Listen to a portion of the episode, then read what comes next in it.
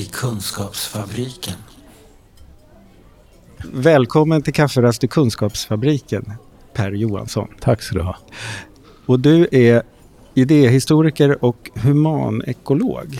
Ja, det kan man skriva på papperna när man behöver. Vad något. gör en humanekolog?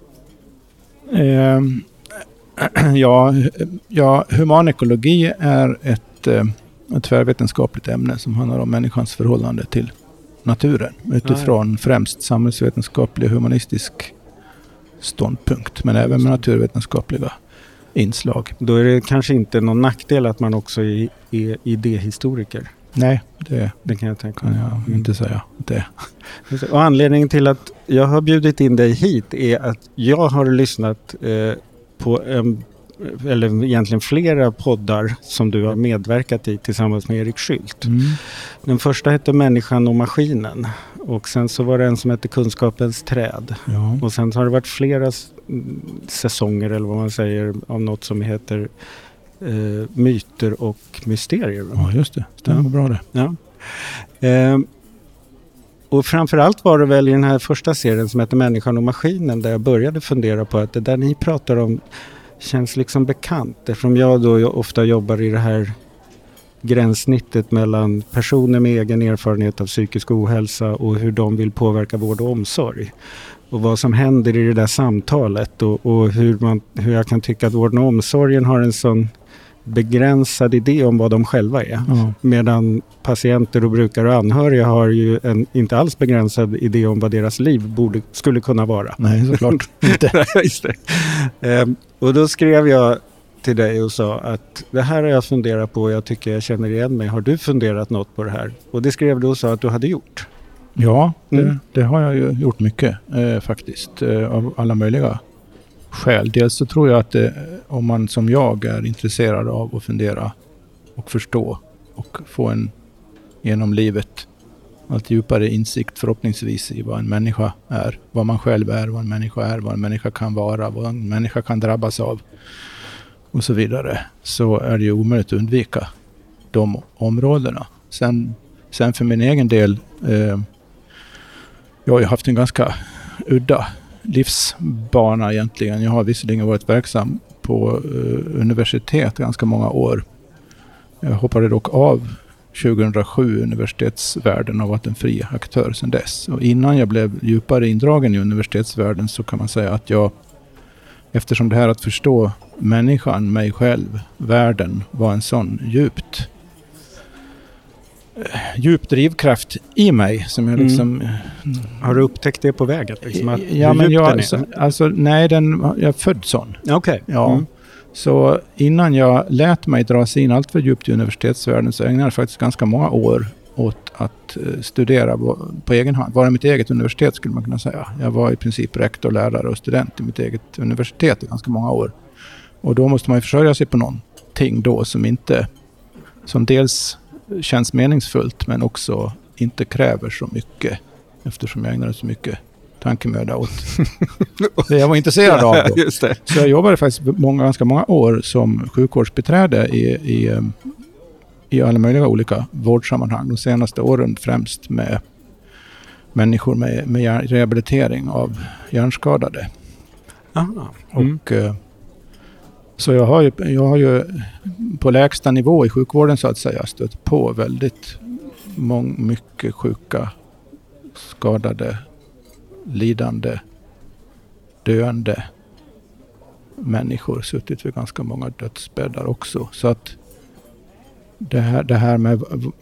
Och sen har jag, har, jag- själv har jag lyckats undvika ganska mycket av att- att behöva vårdas själv. Men inte helt har jag inte lyckats Mm. undvika det heller. Men eh, summa summarum så finns det ganska mycket i, i mitt liv på olika sätt som har gett mig anledning att fundera just över hur vi förhåller oss till hälsa och ohälsa. Ja. Vad, hur man som människa reagerar när man hamnar i en, en... Det är en existentiellt svår situation att bli allvarligt sjuk. Jag tycker nog också att det som jag tycker blir spännande med vårt arbete och som jag får så mycket stimulans av när jag jobbar med våra olika patientgrupper och brukarerfarenheter. Det är också vilken omvälvande sak det är när man börjar må bättre. Ja, Och när man, när man hittar tillbaks. Ja. Eller kanske inte nödvändigtvis tillbaks till hur det var innan, men en ny väg som känns meningsfull. Ja. Och en sak jag minns fascinerade mig, eller jag vet inte om det är rätt ord, men ja, kan man väl säga, väckte ett, en undran i mig eh, när jag hade att göra med de här hjärnskadade Mm. patienterna då på golvet så att säga direkt. Man får en väldigt personlig, nära kontakt med människor när man jobbar Mm. som sjukvårdsbiträde. Mycket mer än när man är läkare till exempel. Eller till och med sjuksköterska. Och jag minns att det var så tydligt hur man kan säga att det fanns två kategorier när det gällde hur pass väl de rehabiliterades. Mm. Eller rehabiliterade sig skulle man nästan Ja, kunna säga. man kunna säga. Faktiskt. Mm. För, att, för, Det att- för att väldigt mycket om... skiljelinjen verkar gå mellan de som när efter den värsta krisperioden var över bestämde sig för att nej, nu ska Mm. min själ härifrån. Jag, Ja. nej, här ska Eller jag ska vara. vidare. Jag ska vidare. Ja. Ja. Och eh, där kunde man ju få uppleva hur till synes hopplösa Mm. fall, om man uttrycker det så, Mm. blev i princip helt återställda av ren jävlar anamma och viljekraft. Just det. Och som du säger, Medan hittar- andra gav upp nästan från början och tynade Ja. bort. Just det. Så Det det där där är är, ju intressant spännande. för att det är någon, någonting som går utöver de vanliga diagnoserna Mm. och beskrivningarna och förståelsen på något sätt. Någon Just inre kraft i människan som kommer till uttryck. Eller inte, tänkte jag. Så det där har jag har liksom... Men det där, just det där känner vi igen väldigt mycket från Det våra förstår jag. föreningar. Men samtidigt så vet vi också att med rätt stöd och support och, och timing i när man får vilket stöd så kan ju många fler utveckla den där jävlar anammat eller insikten eller så. Eh, som har varit på väg att tyna bort men någonting annat. Ofta inte minst att man träffar någon annan som Ja, har varit med i något liknande. ja, inte minst. Ja, precis. Eh, men som gör det där som du säger just att, att man börjar rehabilitera sig. Mm. Eh, för det är ju inte riktigt, när man tänker på vårdens och omsorgen, tänker ju inte så att hur ska vi få människor att vilja rehabilitera sig, utan vad är det för rehabilitering vi ger? Mm. Så att säga. Mm. Och där, där någonstans så kanske vi börjar närma oss dagens ämne på något Där, sätt. ja, där, ligger- det, du har ju det redan i ord, själva ordet patient då. Som ju faktiskt... Motsatsen till patient är aktör egentligen. Patient är ju faktiskt en mottagare av någonting. En passiv, passiv mottagare är en patient. Så, så att där har du ju bara, bara det ordet ligger i någon sorts inskriven förutfattad mening. Att är man patient så är man en passiv mottagare av vård egentligen.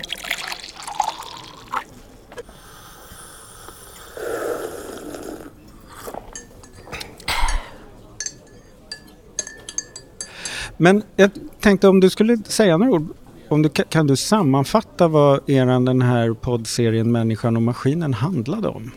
Ja, man kan väl säga att det är ett huvudspår egentligen i alla våra program oavsett vad de konkret handlar om. Men i synnerhet i Människan och maskinen är frågan om rationalitetens, det rationella tänkandets rätta plats i livet egentligen. Och en, det är en tråd. Den andra tråden är vad jag skulle, kunna, vad jag skulle kalla den olycksaliga åtskillnaden mellan kropp och själ. Som vi, mellan inre och yttre värld, mellan psyke och kropp. Som vi har dragits med sedan 1600-1700-talet och som har institutionaliserats bland annat just i sjukvården. Och överhuvudtaget är den ju djupt institutionaliserad i vårt samhälle. Inte minst ser man det på utbildningsnivå där vi har vissa vissa ämnen som ägnar sig åt kroppen och andra ämnen ägnar sig åt själen inom citationstecken får man säga numera. Ja, just det. ja, precis. Eh, och tydlig åtskillnad inre, Mm.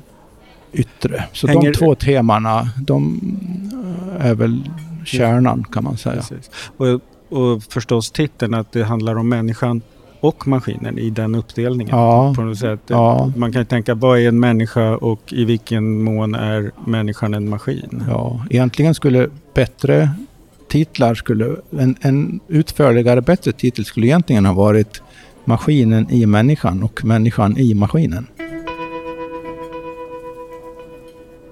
Om vi, om vi för enkelhetens skull först definierar vad jag menar när jag pratar om det rationella tänkandet så är det framförallt ett, ett logiskt tänkande. Alltså att man följer, att man är logiskt följdriktig, att man gör ett antagande eller flera antaganden och utifrån det drar man logiska slutsatser. Och det här, om, om man pratar resonemang när man ska förklara någonting. Så ett resonemang som logiskt hänger ihop är ju då ett rationellt re resonemang. Inga, man säger inte emot sig själv till exempel. Nej, det. är det vanliga sättet att kritisera någon som för, förment resonerar rationellt. Det är om man säger emot sig själv, då, då upphör rationaliteten. Så att korthus samman. Ja, sen, sen mm. har vi ju en maskin som datorn då, som mm. bygger på binär logik. Som mm. är ju en logisk maskin egentligen. Ja, så vi har, man kan säga att vi har förkroppsligat logik logiken och rationaliteten i en dator. Mm. Egentligen gäller det alla maskiner skulle jag säga. Att de, mm. jo, de är väldigt på, precis som logiken, är väldigt pålitliga i vad de jo, men, gör. Liksom. Ja, för det finns ju en idé med, med en maskin att om jag skickar in det här i ena änden och trycker där så har vi konstruerat den så att då händer de här sakerna ja. och då trillar ut det här ja. i slutändan. Ja. Så det är en sorts konkret motsvarighet till, till uh, rationalitet ja, och logik egentligen. Vi säger ju faktiskt vårdapparaten. Just det. det är nog ingen slump. Direkt. Nej, men är det, frågan är ju då, är det för att den vi hoppas att den ska vara en apparat vi kan förstå eller är det det att den är en apparat? Ja, så som den är utformad idag så skulle jag säga att den är en apparat. I hög grad har den maskinkaraktäristika. Men eh, eh innan vi går vidare på den tråden så kan det vara bra att framhålla också att det är inte så att det är något fel på rationaliteten eller det logiska i sig. Nej. Utan i den mån jag kritiserar det så handlar det snarare om när det används på, eh, av fel anledning eller överdrivet eller att man fäster för stor vikt vid det när det finns andra saker man borde fästa större vikt vid. För om man tänker på vad en, en människa är, så en av våra förmågor är ju att, vara, att tänka logiskt. Just att vara ja, just det. En av de förmågor vi har ja, som, som människor. Ja, även när vi pratar med varandra och försöker förstå någonting så, så är det inte så dumt att, att, att, att tänka så liksom rationellt man kan delvis. Men väldigt mycket av det som är viktigt för oss som människor ligger inte på den nivån överhuvudtaget. Eh, jag är mer intresserad av hur vi faktiskt själva eh, kan erfara och förnimma våra egna reaktioner på varandra, på omgivningen, mm. på vårt eget inre tillstånd. Och väldigt mycket av, av, av det, är, egentligen är det ju det, vår förnimmelse av hur vi känner oss. Totalt sett. Som gör, som, oss, till som gör oss till människor å ena sidan och som också på något sätt eh, får oss att göra det vi gör. Vilja vissa saker, mm. inte vilja andra saker, attraheras av vissa saker, stötas bort från andra saker, känna den där människan vill jag inte ha med att göra. Nej. Han verkar trevlig, kan nog tänka mig att träffa igen och så vidare. Alltså, och, och, oavsett vad det, vilken situation, eller man står inför något val eller sådär, så, så fungerar vi som regel inte rationellt. Vi, vi, vi, vi, vi rationaliteten blir snarare i, i det här vidare mänskliga sammanhanget mm. lätt en sorts efterkonstruktion. Men, och då upplevde jag det som när jag lyssnade på människan och maskinen att det blir ju då en väldig vi skapar en väldig kulturkrock för oss själva när vi å ena sidan vet allt det där mm. och känner allt det där var och en av oss och samtidigt försöker skapa ett samhälle som bygger på att vi ska kunna bokföra allting i, mm. i ett Excel-ark.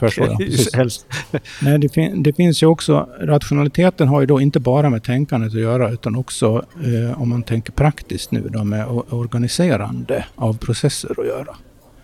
En, en industriell fabrik till exempel är ju en rationell anläggning i hög grad. Det, vissa saker in, Vissa saker äger rum i viss ordning inne i fabriken och så andra produkter ut. Ja, just det, det är inget trolleri som sker där inne. Nej. Nej.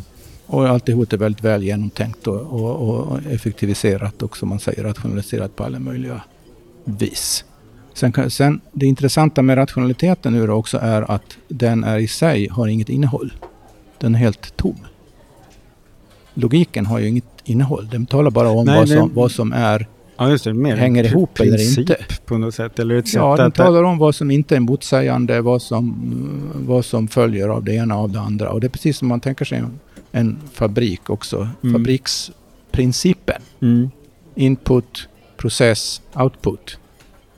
Gäller ju ja, är ju generaliserbar och har i sig inget innehåll. Nej. Sen kan du, en fabrik kan producera allt från tandborstar till bilar till proteser? Eller ja, till... eller lagade patienter om man Ja, säger just så. det. Precis. Men då förutsätter det ju också att det man stoppar in är saker som går att laga med logik. Man måste, det, där kommer det intressanta med begreppen och klassificeringen Mm. in. Och där har jag tänkt i relation till just sjukvården, kom jag på för ett par år sedan, Mm. att man kan göra en väldigt intressant distinktion mellan begreppet person och begreppet individ. Som Aha. vi i vardagslag tenderar att blanda ihop. Ja, just det. Jag har nog inte ens tänkt på att Nej, jag tror de flesta saker. tänker inte på... Inte, jag gjorde inte heller det så noga, men när jag kom på det här så insåg jag att oj, hmm, det här är en grund till att förklara väldigt mycket egentligen. För om man tittar på det, vad de orden betyder här nu. Om tar Mm. individ. Mm. Det, det kommer från latin. Individuum. Och det betyder odelbar. Ja, Jaha. Just det. Minsta enhet. Ja, och det är samma ord som det grekiska atomos, bara vårt ord, ord atom. Ja, just det. Det är den minsta beståndsdelen i någonting. Och det intressanta med individer eller atomer det är att de har inga relationer till några andra individer eller atomer. Utan individer och atomer är utbytbara enheter, skulle man kunna säga. Var, varje ens- väteatom är identisk med varje annan väteatom. Mm. Du kan inte skilja den ena väteatomen. Nej, från just det. den andra. Nej, just det. De blir likadana allihopa. Ja. Just det. Så att alla människor som klassificeras eller betecknas som individer blir i det ögonblicket det. inte jämför... Väldigt reducerande kan man ju säga. Ja, exakt. exakt. Person däremot, det, det har också en, eh, en äldre innebörd, kommer av persona som betyder egentligen mask. Eh, som man Mm. hade i eh, antiken i skådespel så hade skådespelarna masker som talade om vad de Ja, representerade för. Vad var det för gud då, eller vad var det för karaktär? Ja, liksom. just det. Vilken persona spelar jag här nu? Ja, det. Precis. Mm. Och, och sen har det där eh, under historiens lopp eh, kommit att betyda att man har en viss roll i ett givet sammanhang. Alltså att man ingår i ett socialt sammanhang. Just det. Så en person definieras av sina sociala relationer. Just det. Det vill säga eh, familj, eller familjeförhållanden, Ja. släktskap, vänner etc. En person ingår alltid i en mänsklig gemenskap. Det slags... Det- Det, är det, inbakat. krävs interaktion där Ja, det är inbakat i själva begreppet person. Och, men en individ ingår inte i någon gemenskap. Om man tänker nu då på det här i relation till sjukvården Ja. Så kan man ställa frågan. När, under vilka omständigheter och i vilka sammanhang eller i vilka led i vårdprocessen behandlas en människa som person Mm. respektive individ? Just det. Och om man gör den studien så att Mm. säga. Man behöver egentligen bara tänka efter utifrån egen erfarenhet. Så finner man kanske till viss förskräckelse att som regel behandlas man som individ och inte Ja, som person. Och då kan man ju också förstå att sjukvården just nu försöker utveckla sådana här saker som personcentrerad vård och sådär. Men Ja. att det också blir... De, de har ju ganska svårt med det. Det är en reaktion på insikten om Mm. Ja. att eh, den dimensionen har kommit till korta. Då kan Just man fråga sig varför. Ja. Och det har ju att göra med att det, eh, vården är ju, är ju organiserad som en fabrik. Det är inte konstigare än så. Kafferast i Kunskapsfabriken. Vad är det för tänkande du som är idéhistoriker som ligger bakom allt det där? Kan man utnämna en skurk eller vad är det liksom för linje i idéhistorien som leder fram till det där? Ja, det är en väldigt komplex historia. Det har sin, det har sin grund har det ju i eh, en väldigt stark tro på rationalitetens kraft, så att säga. Att göra saker, ordna saker till det bästa. Eh, det börjar där någonstans. Eh, sen tror jag att man måste titta på just industriella processer och förståelsen av dem och de olika, Mm. de olika, man kan kalla det ideologier om man vill, som har styrt det här. Allt från, det finns ju olika begrepp. Eh, bland det första som, som, som fick inflytande där var det som brukar kallas historiskt för Taylorismen. Alltså tidsstudier egentligen. Man tittar på varje enskilt led i en tillverkningsprocess, en industriell process. Tittar man på varje enskilt led, hur lång tid tar det? Och så kunde man sätta någon slags prislapp då nästan. Ja, det kan man göra, men man Mm. kan också fundera på om man, om man isolerar led, de olika leden, så kan man fundera, jaha okej, nu så som det fungerar idag när vi gör den här studien, så tar det här fem och en halv minut. Mm. Skulle det inte kunna ta fyra minuter istället? På det sättet så kunde man gå in på varje led och se, kan man Fila snabba upp det här på mer och varje mer. pusselbit Ja. och få det att bli något annat. Ja. Mm. Och sen eh, på 80-talet så kom någonting som kallas för lean production som Mm. eh, ytterligare effektiviserade det här på olika sätt. Inte minst logistiskt, alltså när, när olika komponenter man behöver blir tillgängliga och sådär. Eh, och sen på senare tid, vilket har fått enormt sl- genomslag i offentlig sektor, inte minst i vården, är det Mm. som kallas för New Public Management. Just det. Och som också nu har rätt stort genomslag i debatten, Ja. man väl säga. Ja. Och För varje steg i, den, i de, när det gäller de idéerna så har, kan man säga, har rationaliseringen, effektiviseringen ökat och accelererat. Just det. Men det, det, förutsättningen för att det tänkandet ska slå igenom i en sak som vården är ju också att samhällets idé med vad vården är kanske inte är tillräckligt bra. Eller tillräckligt stark eller stor eller eh, att, den också, alltså, att samhället, hela samhället, även den demokratiska delen av samhället har en idé om att vården kan vara som en maskin. Ja, det, egentligen tror jag att faktiskt det går, om man går riktigt djupt här, att det, det går tillbaka till synen på vad en människa är till och med. Eh, och, och om man specificerar det lite grann då och säger att det handlar om vad en människa är som kommer i kontakt med vården. Mm, Och det är här den här distinktionen mellan individ och person blir in, intressant. just det. För, eh, men sen har det också med, det finns ju en kostnadsaspekt här också. Eh, eftersom det, när man väl har byggt upp en vårdapparat, en bokstavlig vårdapparat Mm. som fungerar på de här lite fabriksmässiga premisserna, då är det ganska lätt att räkna på vad olika inslag i de olika processerna här, de olika yrkeskategorierna, de olika stegen i en vårdprocess. Först kommer man till sjukhuset och så ska man triageras eller någonting och så ska man så hamnar man på det ena eller andra stället. Och varje, precis som i en fabrik så kan man mäta och kostnadsbestämma varje led här. Och, och eftersom vi av naturliga skäl inte vill betala mer än nödvändigt Mm. för och, det det, är, ju- och det är en klok tanke. så, så Mm. blir ju ett visst tryck kan man säga på att göra det så billigt som möjligt. Men då, om man då tar ett steg tillbaka och tittar på hela, hela idén och hela verksamheten här, vad är det för någonting egentligen?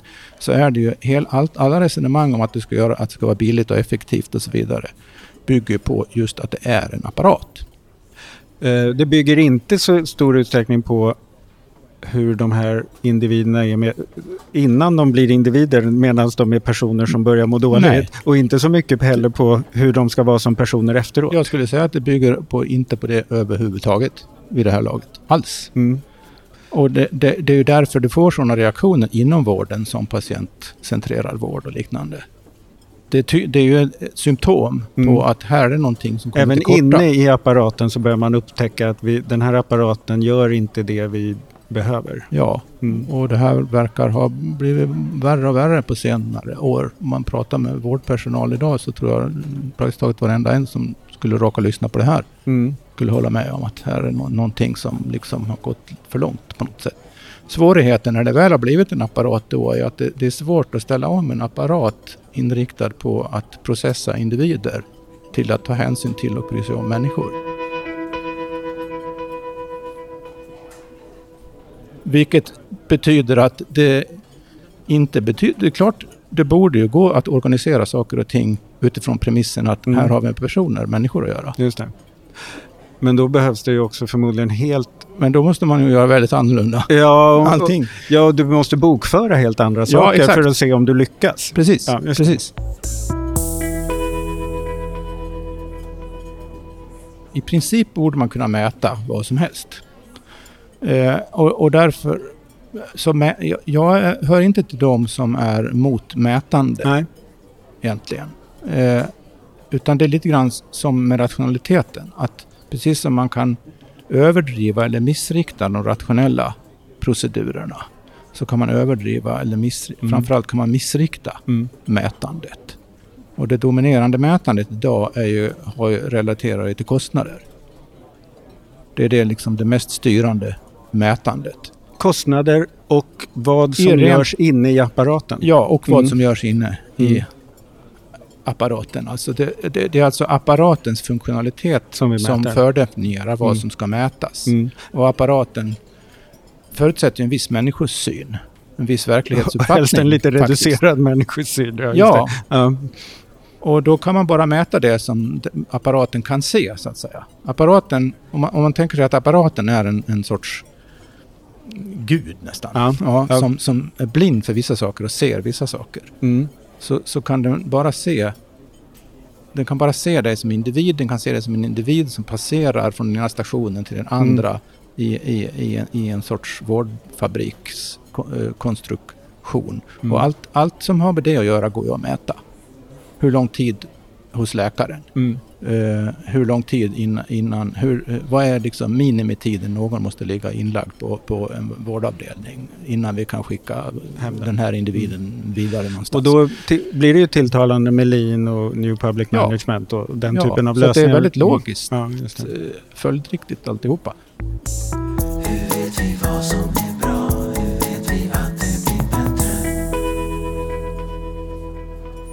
Precis som jag egentligen inte är emot rationalitet i sig, jag är inte emot mätande i sig, jag är inte nödvändigtvis emot vårdapparat i sig heller. Utan de, den fråga man måste ställa sig är för vilka typer av åkommor, skador eller vad vi nu vill kalla det, så är den här apparatfunktionaliteten det mest förnuftiga, även mänskligt sett, sättet att hantera det på. Och, och, och för vilka typer av eh, mänskliga besvär, åkommor och lidanden är den dysfunktionell? Om man, om man skapar sig en tydlig uppfattning om det så tror jag att man skulle få faktiskt en, en, en vidare mening, vidare förnuftigare mening, Mm. en, en mera rationell sjukvård. Ja. Eller och vård faktiskt. Jag skulle tro att, att det är lite det tänkandet om man tittar liksom på vad man försöker hitta former för för framtiden så är det väl delar av Ja. det tänket man Ja. försöker få med att det här eh, vården har liksom blivit för bra för sig själv på något sätt. Mm. Eh, b- den apparat vi byggde upp för att hantera en typ av vård är inte en vettig apparat för den vård vi i princip skulle kunna prestera Ja, idag. Eh, men det är ju väldigt svårt att lämna paradigm. Ja, inte minst när dessa paradig paradigm är bokstavligen konkretiserade i form av byggnader, Ja, det. institutioner Mm. och Ja. tjänster och, Och utbildningar. och, Mm. och skatteintäkter. Ja, och alltså, app, vårdapparaten fungerar inte isolerat i förhållande till en massa andra apparater Ja, i samhället. Nej, det. Och, och så, så att... Men det är klart, det, i- i- det finns väl egentligen bara två alternativ. Antingen låter man den liksom gå till sådana ytterligheter så att den nästan förstör sig själv. Ja, just det. Eller, Att det eller, eller så får man, får man börja reformera rätt så snart här, rejält vissa saker. Det är svåra med alla system man behöver förändra, att man gör det med den förståelse man har byggt Ja, upp det gamla ja, med. Det är Men ganska är- svårt ja. att, att, reformera. Jag tycker nog att, att eh, det, det, det här att vi som då är de som har levt med ohälsa också tar, Mm. försöker åstadkomma någon slags maktposition i det här samtalet. det Att jag inte, mm. att inte överlämna till de som redan är experter, nu gör jag sådana här citationstecken, ehm, till att fortsätta styra och ställa med vad som är bra för oss, utan att man försöker vända på den. Tror jag. håller verkligen med. Mm. Patientorganisationerna här skulle kunna ha väldigt stort Mm. inflytande. Ja. Jag hoppas att de... En känsla som jag får när jag jobbar med det är att när vi kommer in och får vara med så upptäcker de som har suttit i förvaltningar och sånt där att nu, börjar det, nu händer det någonting här. Och sen är det ju frågan om de vågar fortsätta släppa in Mm. eller om de Mm. ser det här att nu blev det så jobbigt så att nu vet vi inte vad det är vi ska bygga och det är ju helst den känslan man vill att de ska få. Ja, ja, ja. så att säga att det vi, det vi har om 50 år det kan vi inte föreställa oss idag på något sätt. Eh, Och kanske inte vi heller för jag, vi är ju frustrerade över att vi inte är delaktiga eller att vården inte funkar. Men vi kan ju inte därmed säga exakt hur det borde se ut. Och tyvärr får man ju säga att det är ännu värre än så också för att det är ju inte bara patienterna då så kallade. Nej. människorna som behöver hjälp och stöd av, av, av, av, av offentliga delen av samhället. Det är ju inte bara de som inte har så stort inflytande som de borde ha. Inte ens vårdpersonalen Precis. Och det märker har vi ju också. inflytande. Ja, ja, inte, inte ens en överläkare på en, på en klinik har särskilt mycket inflytande över, över verksamheten egentligen. Och Och vården, där där ja, är ett minst lika stort Mm. problem. Ja, det är alltså det upplever vi också att när vi väl kommer in och träffar personal och även hög personal och, så, och mellanchefer och allt. Så det är jättefå kunskaper som de gör i sin vardag som de kan skicka uppåt. Ja. Det däremot kommer väldigt mycket saker uppifrån som de ska göra och, eller utföra för någon annan har tänkt ut det. Och där har vi väl en, kanske en, den stora klon. Så att, eh, det, det är ganska mycket pro, Mm. kombination av protester och kritik och civilkurage Ja, som krävs för att ändra saker och ting. ja, och mod att låta det få ta lite tid ju, det, när man pratar om vårdapparat, man pratar om rationalitet, man pratar om alla möjliga historiska saker som har skapat förutsättningarna vi lever under nu. Och man konstaterar att ja, det där är alldeles galet och skulle man inte kunna reformera det ditten och datten. Och det kan förefalla oerhört stort och svårt och krångligt och, och besvärligt och, och, och man kan bli lite missmodig när man inser um, skalan på alltihopa på något sätt och, och någon sorts i, i dags, i det dagliga, någon sorts oundviklighet i det. Så att jag tror att det är väldigt viktigt att, att hitta som människa i det här moderna samhället under de här förhållandena att på något sätt komma ihåg och känna efter och inse att hela den storhet det är och innebär att faktiskt vara människa. Mm. Den har man med sig hela tiden. Hur besvärliga förhållandena än är. Och det där behöver vi stötta varandra och uppmuntra varandra i. Vi behöver se varandra på det sättet. Man behöver, och, och det är så otroligt viktigt känner jag när jag möter människor att att jag inte kategoriserar dem. Att jag inte sätter etiketter. Att jag inte har, att jag, om jag får någon spontan förutfattad mening, det får man ju väldigt lätt. Men att man är medveten om det. Och att man på något sätt försöker se den man har framför sig. Att här är en person som jag. Mm. Jag har mina bekymmer och lidanden och glädjeämnen och, och så vidare. Det har hon eller han också. Och, och mötas där. För att o, oavsett hur vi vill reformera, oavsett hur vi vill konstruera om den här apparaten, oavsett hur vi vill styra ekonomiskt och etc. Så är det alltid vi, människorna, som ska göra det. Och, och om vi vill göra någonting annorlunda, om vi inte möts på det planet även i våra yrkesroller, då tror jag, då, då, då tror jag inte det... Då, då kommer vi bara åstadkomma någon ny, annorlunda rationalitet med, med samma tokiga biverkningar, fast på ett annat sätt. Så att det, vi behöver på något sätt kollektivt vakna upp lite grann. Det där är på något sätt för mig jätteväsentligt att, att ha som utgångspunkt sen när man försöker tänka lite mer konstruktivt Mm. eller annorlunda hur man skulle kunna göra saker rent praktiskt. Kan låta det vara ett väldigt bra slutord. jag. Stort tack för att du ville vara, komma hit Per. Ja, tack själv. Trevligt. Den här podden görs av NSPH, Nationell samverkan för psykisk hälsa. Läs mer på vår hemsida www.nsph.se eller följ oss på Facebook. Kafferast i Kunskapsfabriken.